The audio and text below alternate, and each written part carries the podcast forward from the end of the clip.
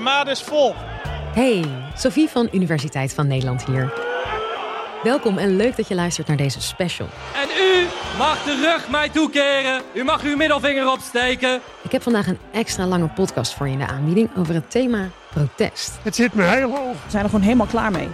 Ben jij wel eens de barricades opgegaan voor iets? Heel hard nodig dat we nu dit signaal afgeven. Of heb je wel eens gedemonstreerd? De reden dat we hier zijn is gewoon dat we gewoon zat zijn.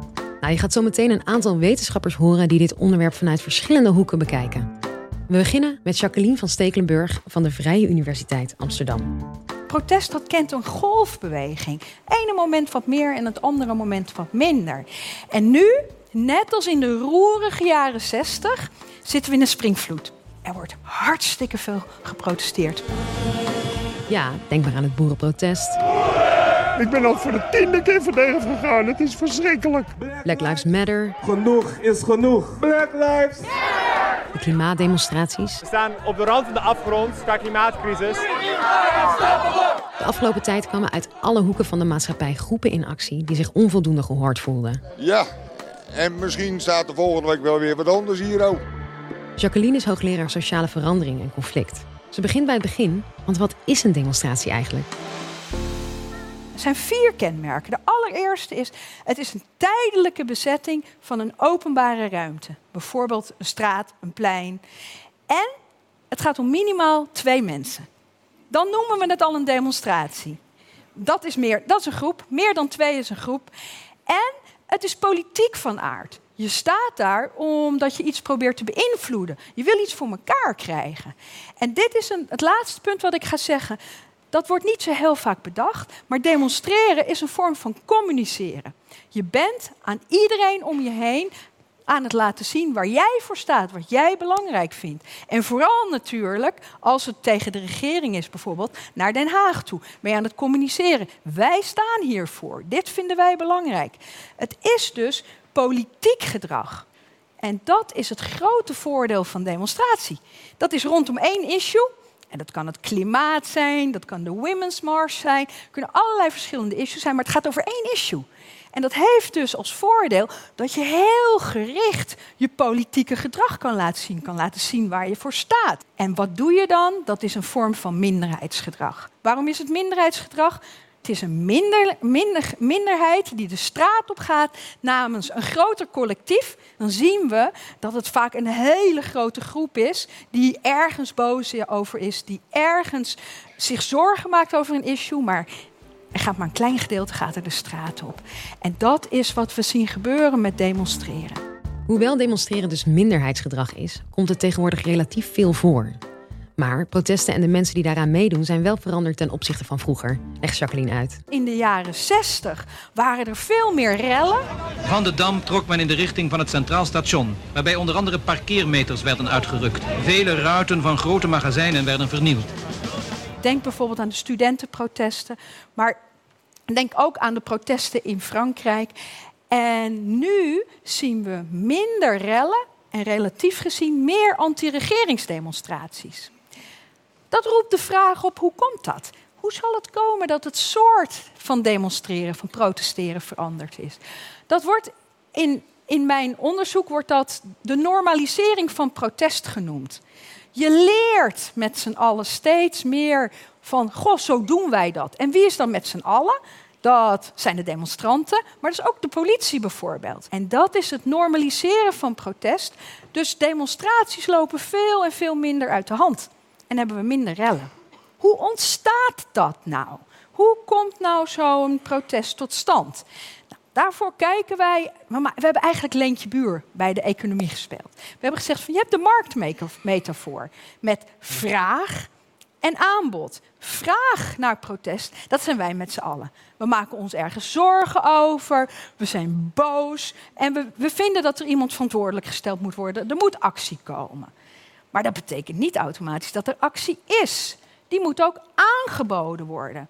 Er moet een klein groepje zijn of een organisatie zijn, zoals bijvoorbeeld Greenpeace of Milieudefensie, die zegt: wij gaan een demonstratie organiseren. En dat is belangrijk, want je hebt ze allebei heb je ze dus nodig om uiteindelijk protest tot stand te brengen. En op het moment dat we vraag en aanbod hebben in de economie, Wat zorgt er nou voor dat die twee bij elkaar gebracht worden? Dat is marketing in de economie. In de wereld van protest is dat mobilisatie. En er zijn twee vormen van mobilisatie die dan belangrijk zijn. De eerste, dat noemen we consensusmobilisatie. Dat is eigenlijk dat je met zoveel mogelijk mensen zegt van dit is echt een probleem.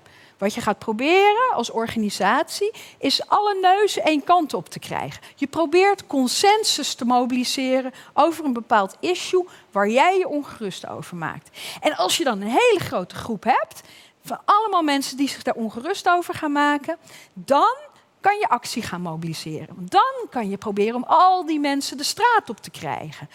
Dus wat we zien, we hebben vraag nodig, we hebben aanbod nodig. En om die twee bij elkaar te krijgen, moet er gemobiliseerd worden. Eerst consensus, we maken ons met z'n allen ongerust.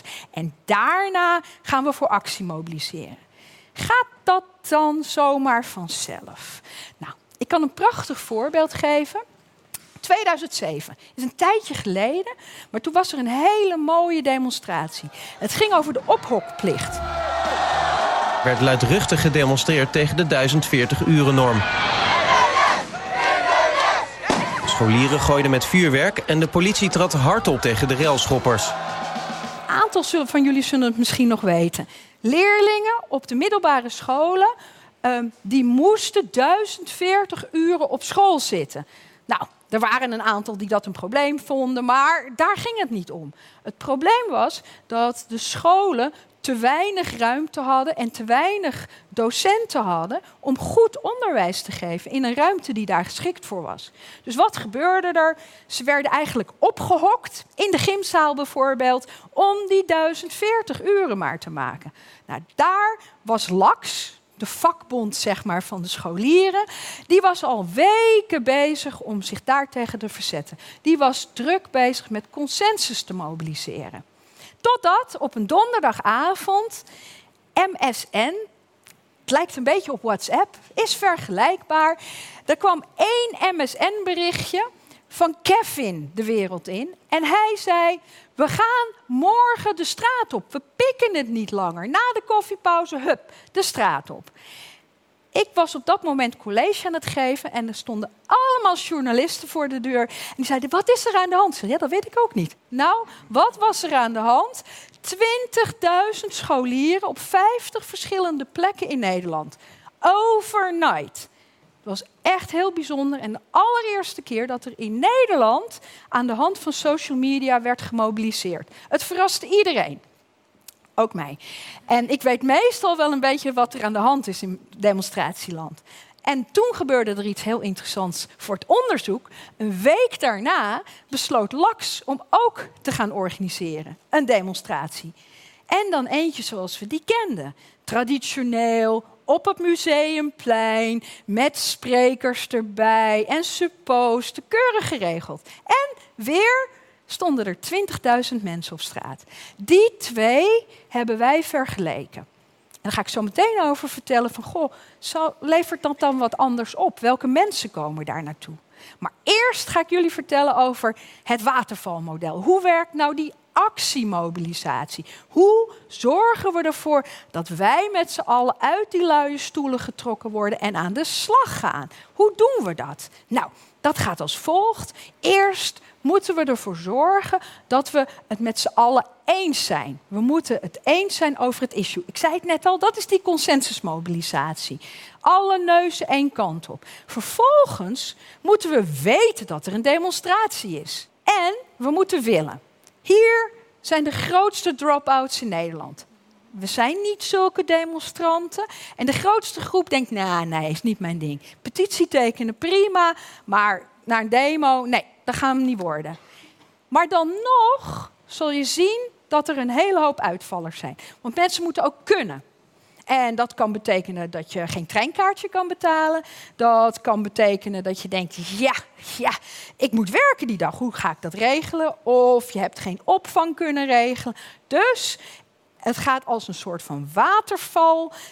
Zal er constant, bij elke stap valt er weer een groep uit. Uiteindelijk, bij een gewone demonstratie georganiseerd door bijvoorbeeld LAX, is het meestal van de mensen die het ermee eens zijn, blijft er uiteindelijk 5, 6 procent over die op de demonstratie is. Dan zeggen politici, ja, er staat maar 100.000 man. Daar hoef ik me toch uh, niet bezorgd over te maken, hoef ik toch geen rekening mee te houden. Ik beloofde jullie al een vergelijking tussen de mensen die naar de spontane demonstraties gegaan waren en de mensen die naar de LAX-demonstratie gegaan waren. En wat zagen we? Eventjes nog in het achterhoofd. Het was dus de eerste demonstratie georganiseerd via sociale media. We zagen dat ze lager opgeleid waren. We zagen dat ze wat jonger waren. waren allemaal middelbare scholieren, dus de range was niet zo groot, maar ze waren wat jonger. En ze waren wat cynischer over de politiek.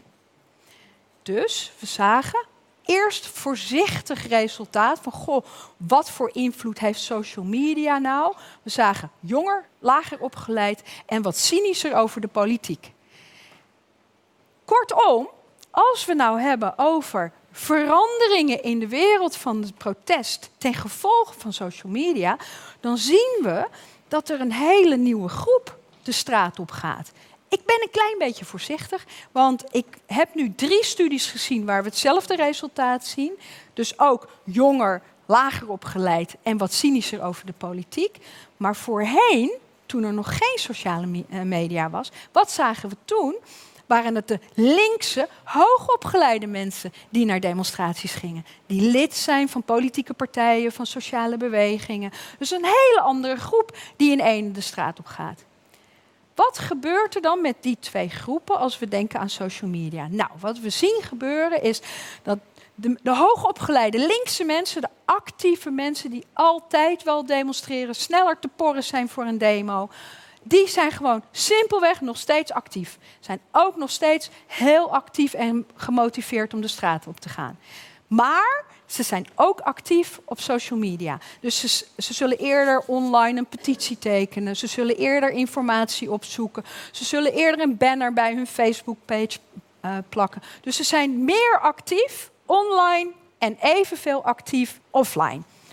En, en dan komt de, de nieuwe groep, dat is dus de wat lager opgeleide groep, die cynisch is over de politiek, zelfs vaak wat rechtser georiënteerd, zien we ook zelden op straat. Die gaat nu ook de straat op. Lekker hè? Lekkere rotzooi ervan aan maken. Mooi man. We zijn er klaar mee, met de overheid. Ja, ze maken er een betere rotzooi van als uh, dat kabinet. Dus uh, gaat prima zo. Dus wat we zien gebeuren is er, dat er een toename is van het democratisch gehalte. Wat ik daarmee bedoel, is een belangrijke opmerking. Wat ik daarmee bedoel is, normaal gesproken, wat we zagen, was dat mensen de straat op gaan en dat dat een vrij beperkt groepje is. Eigenlijk een groep die het best wel goed voor elkaar heeft. Hoogopgeleid, links georiënteerd. Ja, dan gaan ze ook nog even naar een demo is allemaal prima, het is hartstikke goed dat het gebeurt.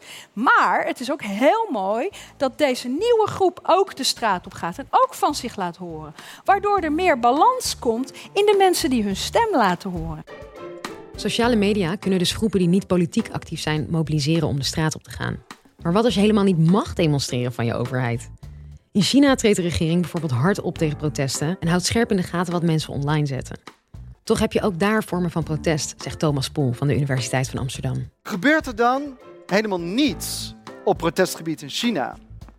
Nou, het tegendeel is eigenlijk waar. Ondanks alle verboden gebeurt er juist ontzettend veel. Thomas is hoogleraar nieuwe media en digitale cultuur.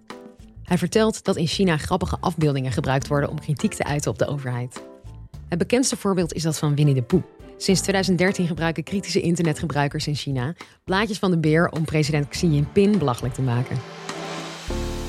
Interessant is dat Chinese burgers tal van manieren hebben gevonden om te protesteren. En dat doen ze door heel veel humor te gebruiken en ook door heel veel gebruik te maken van beeld. En grappige foto's en bewerkingen te verspreiden. En die foto's en die beelden zijn lastiger te censureren dan tekst. Want tekst kun je op basis van keywords censureren. En dat is bij beeld een stuk lastiger. Wat er ook veel gebeurt om de censuur te omzeilen, is het misspellen van woorden. Waardoor het dus lastiger wordt om op basis van die keywords woorden te censureren. En wat we ook zien is het gebruik van metaforen, zoals bijvoorbeeld de rivierkrab. De rivierkrab is een synoniem op het Chinese internet voor internetcensuur. Is, is die Chinese staat dan niet in staat om dat, die kritiek de kop in te drukken? Nou, daar zijn ze wel degelijk toe in staat. Maar het lijkt erop, en dan dat is heel interessant, het lijkt erop dat die kritiek en satire dat die voor een belangrijk deel ook worden toegestaan. Omdat ze eigenlijk sterker nog gebruikt worden als een instrument om lokale en regionale overheden en ook corrupte bedrijven te traceren en te controleren en eventueel ook te bestraffen. Want het besturen van zo'n heel erg groot land, een hoogontwikkeld land als China, is een hele complexe aangelegenheid. En dat is zeker complex als je daarbij geen democratische instrumenten hebt om, te, om na te gaan wat er nou eigenlijk in een samenleving leeft. Wat voor, over wat voor onderwerpen mensen ontevreden zijn. En de online communicatie biedt dat inzicht. Die biedt inzicht in publiek ongenoegen en die maakt het mogelijk om dus corrupte ambtenaren en bedrijven te traceren. En op die manier worden vervuilende bedrijven opgespoord en bestraft en kunnen overheidsbeambten die de wet overtreden hun baan verliezen. En in dat opzicht functioneert het dus bijna als een soort proto-democratische mechanisme. Maar als protest uit de hand loopt, wat ook af en toe gebeurt, en vooral wanneer het zich tegen die nationale staat richt, dan slaat die Chinese overheid keihard terug.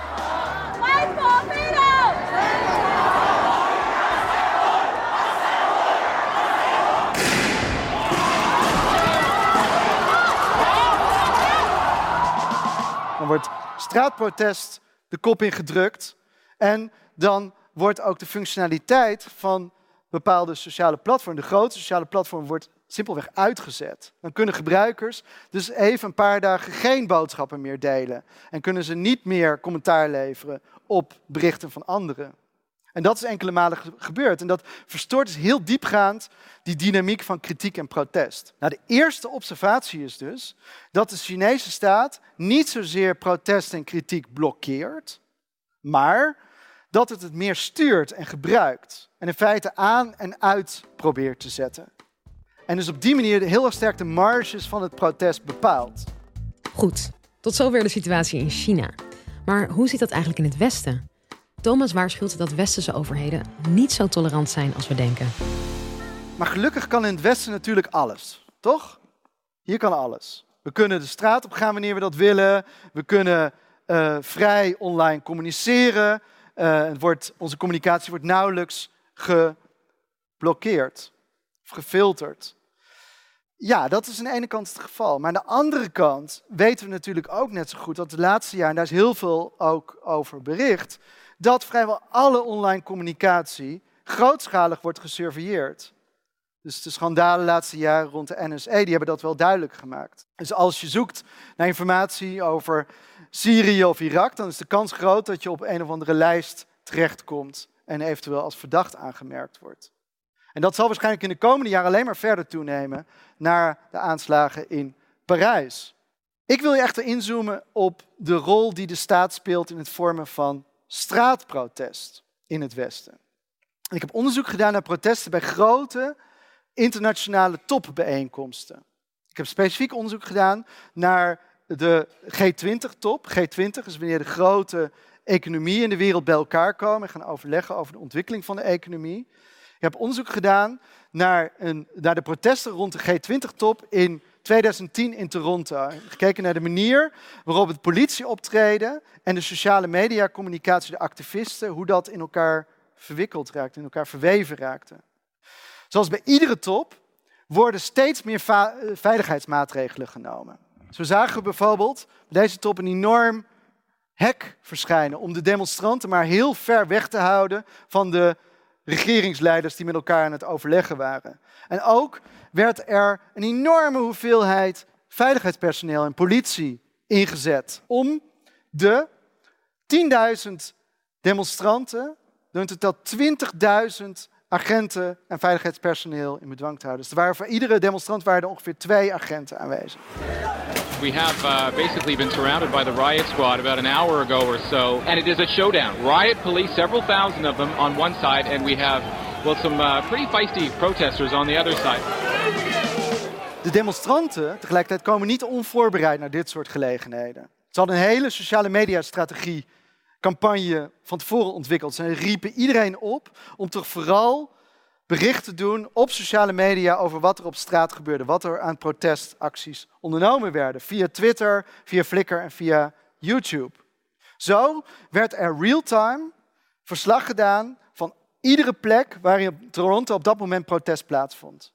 Met mobiele telefoons gingen demonstranten foto's maken, video's maken, tekst uploaden. En al, die, al dat materiaal werd geaggregeerd op een alternatief mediacenter. Wat laten die sociale mediaberichten dan zien?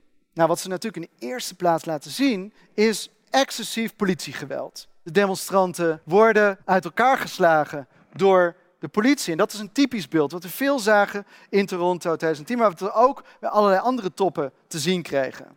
Een gevolg is overigens dat die combinatie tussen die sociale media verslaggeving, die zo precies is en zo real-time plaatsvindt, en dat politieoptreden, is dat heel veel van die activistische communicatie de laatste jaren over geweld gaat. En over het gebruik van geweld en confrontaties tussen politie en activisten.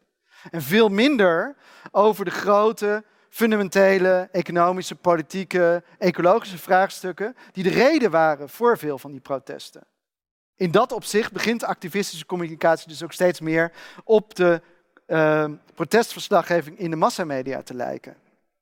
Dus die sociale mediaberichtgeving laat zien, tegelijkertijd ook, hoe de demonstranten zelf geweld gebruikten. Hoe zij bijvoorbeeld politieauto's in de fik gingen steken.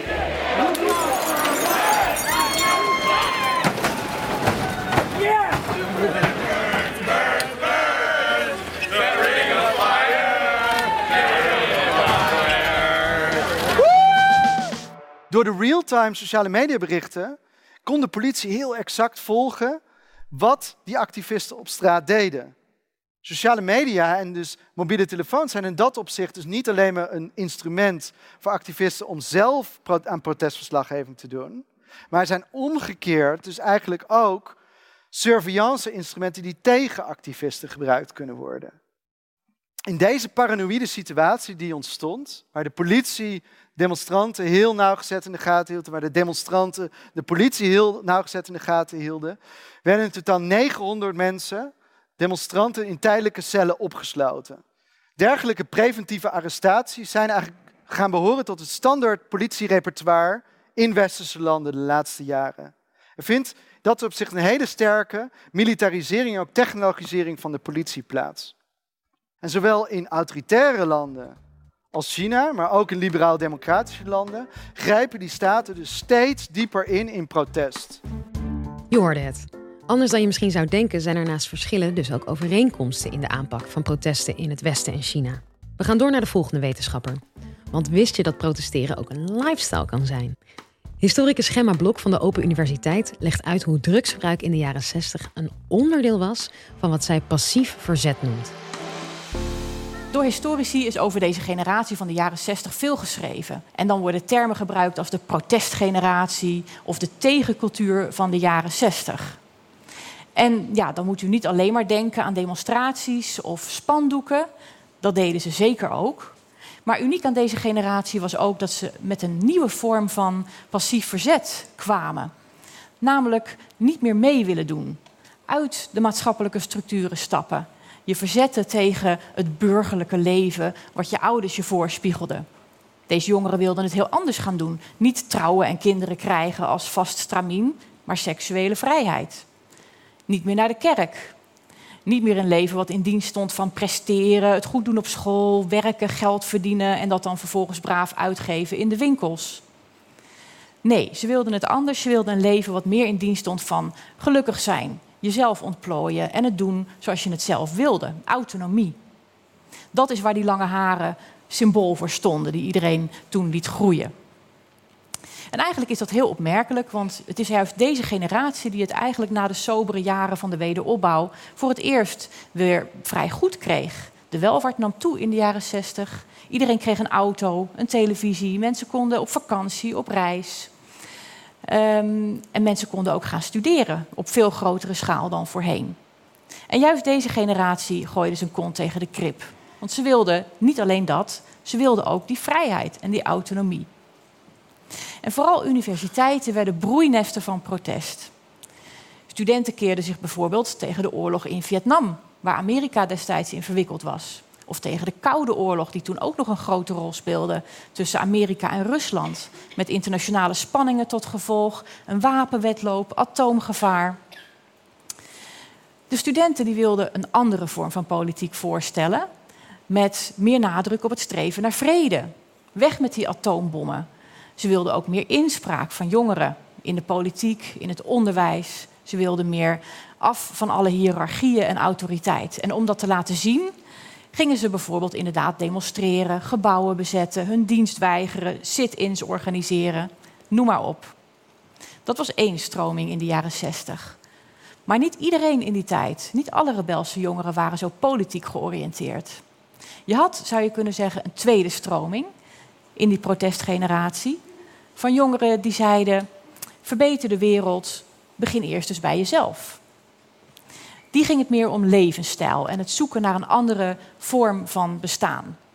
Ze liepen bijvoorbeeld weg van huis, gingen wonen in een commune, een leefgemeenschap waarin iedereen gelijk was en die zelfvoorzienend was. Of ze gingen op de hippie trail, ze gingen op reis richting India op zoek naar nieuwe vormen van spiritualiteit. En met name binnen deze tweede stroming van de jaren 60 speelde het gebruik van drugs een belangrijke, cruciale rol. Vooral het gebruik van cannabis en LSD was in die tijd heel populair. Dat waren natuurlijk allereerst middelen waar je je heel goed mee kon onderscheiden van je ouders. Want wat was de favoriete druk van je ouders? Dat was drank. Die zaten braaf zaterdagavond tros te kijken op de tv met hun biertje bij de hand of vermoeder een sherry. Heel suf, heel burgerlijk. Als je het anders wilde doen, dan hoorden daar natuurlijk ook andere genotmiddelen bij. Middelen die nog wat minder bekend waren, waar je ouders van griezelden. Middelen ook die verboden waren, zoals bijvoorbeeld cannabis en LSD. Beter kon je het niet wensen. Maar het was niet alleen een manier om je af te zetten en je te onderscheiden. Deze nieuwe drugs zouden volgens de jeugd ook leiden tot nieuwe inzichten. Ze waren bewustzijnsverruimend. Ze maakten je eigenlijk in staat om zelfstandig te denken, voor jezelf te denken. En los te komen van de indoctrinatie die je eigenlijk vanaf je vroege jeugd had meegekregen door ouders, door je school, door je leraren, door de kerk. Gebruikte je die drugs, dan kon je daar opeens afstand van nemen en alle maatschappelijke spelletjes doorzien waar je voorheen zelf ook onderdeel van was geweest. En kon je er kritischer naar gaan kijken. Luister maar even hoe LSD-goeroe Timothy Leary het in de jaren 60 uitlegde. We tell young people today, drop out of school because schools, education today is the worst narcotic drug of all.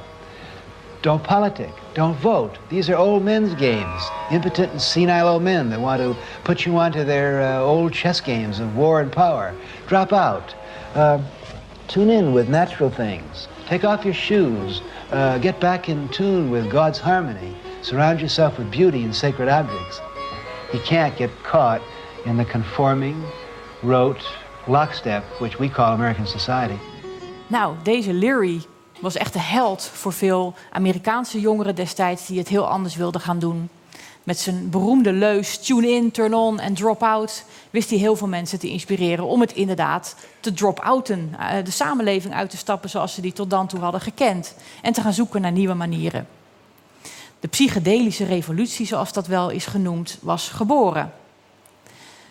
Maar die kwam niet zomaar uit de lucht vallen. Eigenlijk is de link tussen drugsgebruik en verzet al terug te gaan tot de jaren 20 van de 20e eeuw, de tijd van de jazzcultuur. Toen zwarte jazzmuzici marihuana rookten en daar ook over zongen. Ze noemden het reefer of tea. En voor hun was dat een symbool van verzet eigenlijk tegen de discriminatie van zwarte Amerikanen. Zoals Louis Armstrong het zei: steek een joint op en word iemand. Light up and be somebody. En die traditie van drugsgebruik en verzet werd voortgezet in de jaren 40 en 50 door de beatniks. Die experimenteerden ook met allerlei drugs, uh, van cannabis, maar ook speed en heroïne kwamen bij hun in het pakket. En voor hun was drugsgebruik onderdeel eigenlijk van een diep gevoelde weerzin tegen de maatschappelijke dwang om je aangepast te gedragen en in het gareel mee te lopen. Dat conformisme waar Leary het ook over had. Nou, maar vooral in de jaren 60 kwam die protestgeneratie dus echt tot grote bloei. En dat waaide ook over naar Europa en naar Nederland. En niet in de laatste plaats ging dat via muziek. De Jefferson Airplane zong over LSD.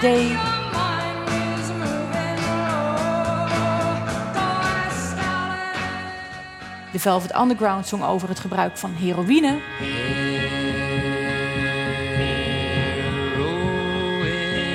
En hun zanger Lou Reed, die deed zelfs op het podium voor hoe je een spuit heroïne moest zetten. Het lijkt echt, was niet echt, maar voelde wel heel echt voor het publiek. Eigenlijk zou je kunnen zeggen dat het gebruik van drugs onderdeel was van een identiteitspolitiek van deze protestgeneratie. Door middel van het gebruik van drugs wilden ze zich onderscheiden, hun eigenheid als sociale groep laten zien. dat kon via uiterlijk, die haren, die bloemen, dat kon via alternatieve vormen van politiek, nieuwe jongerenpartijen. Dat kon via alternatieve leefvormen zoals die communes en de hippie trail. Maar dat ging ook voor een heel belangrijk deel via de lijnen van drugsgebruik. En drugsgebruik kreeg status in die tijd. Vooral het spuiten van opium en heroïne.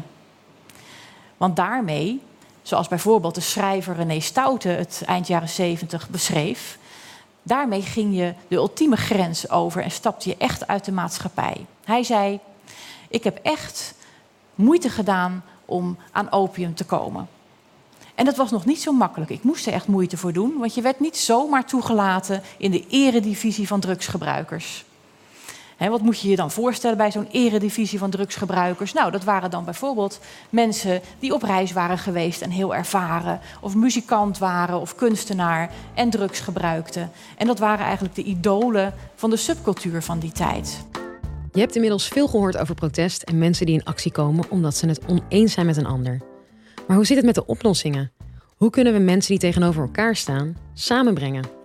Daar heeft Noelle Aarts van de Universiteit Wageningen misschien een antwoord op. Uiteindelijk gaat het er niet om dat wij verschillen, want dat is eigenlijk gewoon een gegeven. Het gaat erom hoe wij omgaan met het verschil. Noelle is communicatiewetenschapper en zij vertelt hoe het best een dialoog aan kunnen gaan met mensen die anders denken. In een dialoog gaat het niet om winnen. In een dialoog gaat het erom dat iedereen die bijdraagt aan een dialoog, daarvan wordt verondersteld dat hij een stukje heeft van de waarheid. Hè? En dat hij ook het recht heeft, en niet alleen het recht, dat we ook allemaal zitten te wachten op diens bijdrage. Daar gaat het eigenlijk om. Er is veel over nagedacht over dialogen. Er is een, uh, een, een, een, uh, een, wetenschapper die daar een prachtig boek over heeft geschreven. Het is eigenlijk nog steeds het ultieme boek over de dialoog. Dat heet On Dialogue. En dat is geschreven door uh, David Bohm in de tachtige jaren. En die man, dat was eigenlijk een theoretisch natuurkundige. Een hele goede vriend van Albert Einstein. En die hadden met elkaar gemeen dat ze, dat ze uh, zich allebei waren ze erg maatschappelijk betrokken. Ze maakten zich erg druk over wat er in de maatschappij zo aan de hand was. En in die tijd maakten ze zich al druk over van de het lijkt er wel op als de samenleving uiteen gaat vallen in allerlei groepen die niks met elkaar willen. En dat was voor David Boom eigenlijk de trigger om te zeggen van nou, ik ga me daar eens in verdiepen. En toen heeft hij dat prachtige boek om dialoog geschreven. En in dat boek heeft hij een aantal voorwaarden neergelegd waar een dialoog aan zou moeten voldoen. En waar we misschien ook nog steeds wel een beetje lering uit zouden kunnen trekken. David Boom zegt, en dat blijkt ook uit heel veel onderzoek wat hieraan raakt, wat later is uitgevoerd, van het gaat er eigenlijk om dat wij, uh, laten we zeggen, het verschil niet zo gemakkelijk accepteren. Als we het in een discussie niet met elkaar eens zijn, dan hebben we vooral toch de neiging om die ander bij ons kamp te halen, zou je, zou je kunnen zeggen. Dus een eerste stap is eigenlijk om leren om te gaan met het verschil. Om eigenlijk tegenstellingen als uitgangspunt te nemen.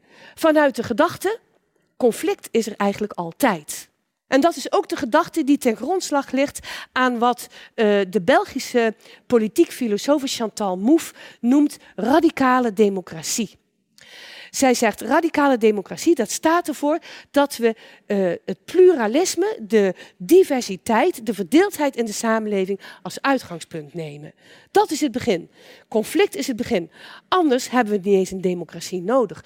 Er zijn belangen die blijven botsen. Er zijn waarden die niet met elkaar te verenigen zijn.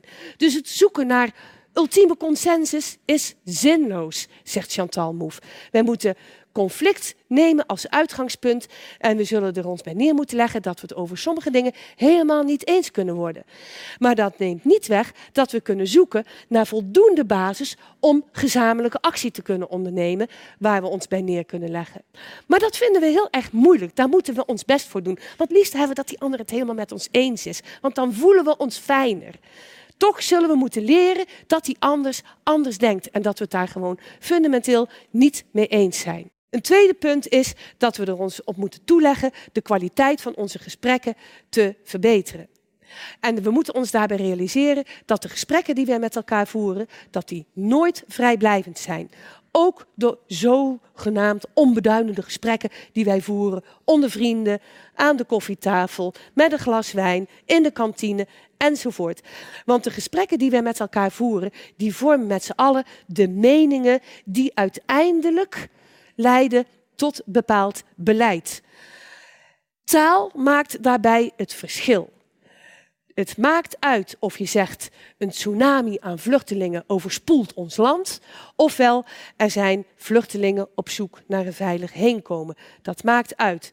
Het gebruik van, hè, van oorlogstaal, van we zijn hier in een war on terror en we hebben een sterke staat nodig om ons te beschermen, dat heeft heel veel gevolgen. Dat heeft nu al tot gevolg dat er veel meer nationalistische uitspraken worden gedaan door Jan en Alleman, als dat wij vroeger ooit hebben geaccepteerd van zo'n persoon als Hans Janmaat, voor wie een cordon sanitair werd georganiseerd. Een derde ding waar we dan rekening mee moeten houden, dat is dat we ervan uit moeten gaan hoe mensen zich in gesprekken nu één keer gedragen. En niet hoe wij ons idealiter zouden moeten gedragen. Want dat doen we gewoon niet. We moeten ervan uitgaan dat mensen in gesprekken niet alleen informatie uitwisselen. Sterker nog, dat doen we eigenlijk best wel weinig. We zijn meer bezig met dingen voor onszelf voor elkaar te krijgen. Tot slot moeten we dan een veilige setting creëren voor het voeren van gesprekken waarin ook de afwijkende meningen een plek moeten kunnen krijgen. Ik denk dat het voeren van een dialoog dat dat een basisvaardigheid is voor de 21ste eeuw. Voor deze, voor deze tijd waarin we leven met mensen van all over the world. En dat zijn echt niet alleen vluchtelingen. Dat zijn ook uh, ook als het gaat om internationale handel, als het gaat om internationale samenwerking. universiteiten die samenwerken met elkaar over de hele wereld.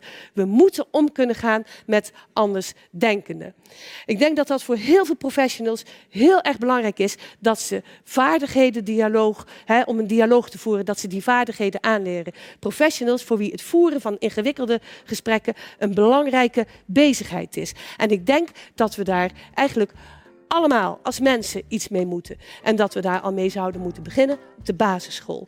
Zie je ook een beetje al komen dat kinderen leren om te mediëren in conflicten. Maar ik denk dat we er echt een vak van zouden moeten maken. Conflict is er dus altijd, maar dat hoeft geen probleem te zijn als er een goede dialoog uit voortkomt. Je hebt geleerd dat naast conflict ook protest universeel lijkt te zijn. Aan de andere kant van de wereld heb je de stiekeme satire op het Chinese internet. En onze protestgeneratie van de jaren 60 hier gebruikt de drugs om zich te verzetten tegen de gevestigde orde.